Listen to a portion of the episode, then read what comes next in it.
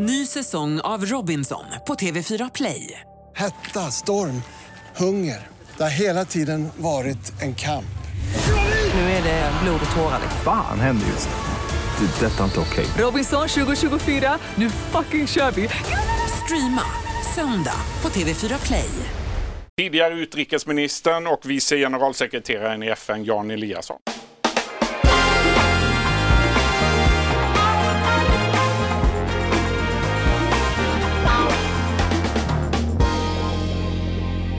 Du, allra först Jan, för bara några minuter sedan kom beskedet att man eh, i Chile ställer in klimattoppmötet. Det är presidenten som meddelar detta och det handlar om att det har varit sådana enorma protester i landet. Hur reagerar du?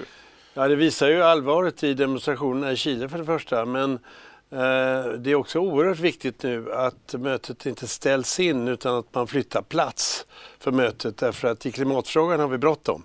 Så att eh, det finns säkert många ställen där dessa möten kan äga rum och det hoppas jag också genomförs. Jan Eliasson, du har onekligen en gedigen utrikespolitisk bakgrund. Har det alltid varit självklart för dig att jobba internationellt? Jag var ute på ett eh, stipendieår i USA Som 17-åring? som 17-åring och då var det inte bara amerikaner som jag träffade utan det var från ett 20-tal eh, olika länder. Vi åkte båt över och vi åkte buss runt landet och då tyckte jag det var ett mini-FN i bussen. Och jag kunde lösa Cypernfrågan bakom en grek och, grekisk och turkisk flicka som bråkade. Och då sa de, du borde arbeta i FN. Eh, Så det blev så till slut. Så blev det. Du, eh, IS-ledarens död, Turkiets invasion i Syrien, USAs tillbakadragande, vi har protest i Libanon, demonstration i Irak. Det finns en del att tala om när det gäller Mellanöstern. Eh, om vi börjar med eh, det faktum att USA lyckades döda terrorgruppen IS ledare. Vad tänker du om det? Ja, han har jagats länge och eh, det var väl att vänta att det skulle ske någon gång med hjälp av underrättelsetjänster i regionen som säkert bidrog till detta. Men att detta skulle innebära att eh, terrorhandlingar upphör, det kan man glömma. Eh, det finns så många villiga efterföljare här.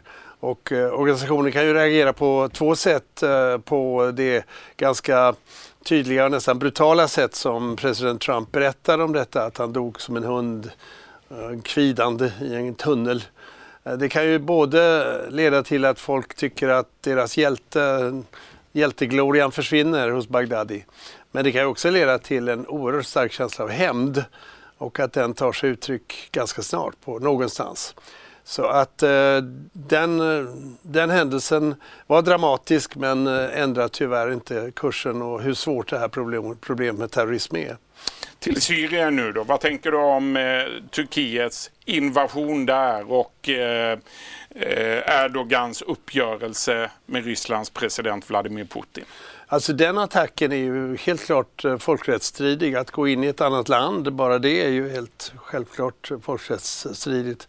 Men sen också planen på att eh, flytta miljontals människor över gränsen till detta område där man vill ha då mer eh, araber så att säga, mindre kurder. Eh, det måste ju bygga på, eh, på frivillighet. Och de flesta av de flyktingar som finns i Turkiet kommer från helt andra delar av landet. Så att i två avseenden är det folkrättsstridigt. Sen är det ju naturligtvis också ett oerhört stort svek mot kurderna. Det finns få folkgrupper som är så illa, kommer så illa ut i historien som kurderna. De har blivit riktigt misshandlade. Det finns ju tillsammans 25-30 miljoner minst kurder i fyra eller fem länder. Och det är en het potatis att röra sig i riktning självständighet självklart, men till och med autonomi. Och den eh, turkiska känslan för kurderna är ju nästan besatt. Eh, och eh, att de fick detta blinkande gula ljus eller till och med gröna ljus från president Trump var ju en stor chock för världen och ledde ju till att det blev vibrationer överallt bland USAs allierade. Jag tror att många frågar sig, kan man lita på en amerikansk allierad? Särskilt man, i det här fallet som man har offrat 11 000 människor. Samtidigt var inte detta just vad Donald Trump sa i sin valkampanj, att han skulle lämna Mellanöstern? Ja, det, det, i och för sig kan man väl säga att, att dra slutsatsen av amerikanska erfarenheterna i Afghanistan och Irak, att man ska inte ge sig in i liknande äventyr. Man kan till och med gå tillbaka till Vietnamfrågan. Det är, det är ganska viktigt men det är också viktigt att när man lämnar en, en, en ett, ett krisområde, en politiskt viktig eh, område, så ska man alltid tänka på det som på latin heter horror vacui, alltså rädslan för vakuum. För att det som då hände var inte bara ett svek mot kurderna utan det var också att man öppnade för ryskt inflytande. Så paradoxalt har ju ryssarna stärkt sin position enormt i Mellanöstern och fått eh, känslan av att de står fast vid sina allierade, vilket de har gjort gentemot Syrien. Maktfördelningen i världen håller Makt, på att förändras. Maktfördelningen i regionen har ändrats genom detta. Vinnarna är ju utan tvekan Ryssland, Syrien och Turkiet. Förlorarna är kurderna och jag anser också förlorarna är, är USA och faktiskt demokratierna som inte har den starka, det starka genomslaget som pålitliga allierade. Hur ser framtiden ut då för människorna som bor i den här regionen och för hela Mellanöstern? Alltså jag är ordförande för eh, SIPRI, Stockholms internationella fredsforskningsinstitut. Och vi tänker och jobbar rätt mycket tillsammans med andra på att vi, det måste skapas någon regional säkerhetsstruktur. Det finns inget sådant i Mellanöstern. Det, är en, det blossar upp och sen så, så görs inget förebyggande arbete. Det du talade tidigare här, i ditt samtal om självmord. Jag tänkte det är precis samma sak i internationell politik. Man ser att någonting går fel och det finns inga mekanismer som man använder för att stoppa krig att bryta ut. Och detta gäller särskilt Mellanöstern. Så att prognosen är ju dyster. Eh, Syrienkriget är fortfarande i en mycket allvarlig fas, även om förhandlingar nu kommit igång. Men vad som händer kring Idlib kan leda till en jättelik flyktingrörelse. Och sen har vi kriget i Jemen så att eh, det är en kritisk situation och tyvärr ingen god prognos för hela området. Och, och Iranet, Iran och Saudiarabien, det är ju grundläggande stort eh, fiendskap. Och samtidigt har vi då ores, oroshärdar i Sydamerika. I Chile har protesterna pågått i tre veckor nu. Inrikesministern, finansministern har lämnat sina poster. Det rapporteras om att journalister som bevakar demonstrationerna där blir attackerade.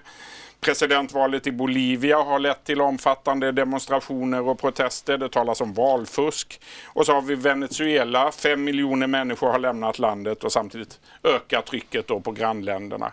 Vad säger du om situationen i Sydamerika? Ja, jag, tror, jag vill till och med se det i en, en ännu bredare sammanhang. Det finns ju liknande i Irak, det finns liknande i Libanon. Enorma demonstrationer ledde ju till Libanons regerings... Uh, de tog, lämnar regeringen nu. Och eh, det är ett slags folklig protest mot att makthavare inte levererar ett resultat. Är det en ny arabisk våg vi ser? Ja, jag tror där? att eh, inkomstfördelning och eh, maktfördelning, protester mot korruption och att livsvillkor inte förbättras. Det är en väldigt allvarlig trend som faktiskt är en utmaning till demokratin. Eh, Chile var ju ett paradland för demokratin. Michel Bachelet som nu leder mänskliga rättighetsarbetet i FN var ju en firad president och landet tuffade på. Men nu är det en stor utmaning tror jag gentemot demokratierna. Vi måste leverera bättre. Trumps USA är ett annat USA än det var bara för ja, fyra, fem år sedan men också ännu längre. Eh, Europa går lite grann på knäna med Brexit och migrationskrisen som vi inte klarar av. Eh, och demokratin är lite luggsliten i några länder i Europa. Och därför måste demokratierna ta på sig nu att leverera bättre villkor för människor. Annars får vi eh, en motaktion från ett annat håll, extremt populistiskt håll. Med 50 år i diplomatins tjänst, vad tänker du när du ser Donald Trump, USAs president, twittra? Jag brukar säga att jag är optimist men numera är jag rätt mycket en bekymrad optimist. Inte pessimist? Jag är på gränsen att bli en pessimist som ännu inte gett upp. Vad tycker du om honom? Jag tycker att han är ovanligt oberäknelig och faktiskt ganska opålitlig också. Och att han använder ett sätt att tala om omvärlden och andra människor som polariserar och delar människor. Vi behöver i den dagens värld samla och bygga broar, inte riva broar och bygga murar. Ja, Till sist då Jan Eliasson, vilken roll ska Europa och EU spela i det här maktpolitiska Vi har en historisk chans att försöka nu starkt stå upp för demokratierna, allas lika värde, rättssamhället, eh, ordnade demokratiska eh, institutioner. Det är vår chans vi har problemet nu med Brexit och vi har problem med migrationsfrågan. Men om vi tittar på de nordiska länderna till exempel så är det goda nyheter. På alla index över världen, alla sådana här undersökningar så rankas vi högst. Och då gäller det tycker jag att visa att det demokratiska samhället är bättre än det samhälle som skulle kunna växa upp ur den eh, delning och polarisering som vi ser nu, inte bara i USA utan också i Europa.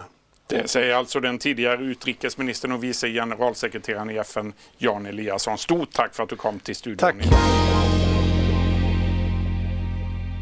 Du har lyssnat på en podcast från Expressen. Ansvarig utgivare är Klas Granström.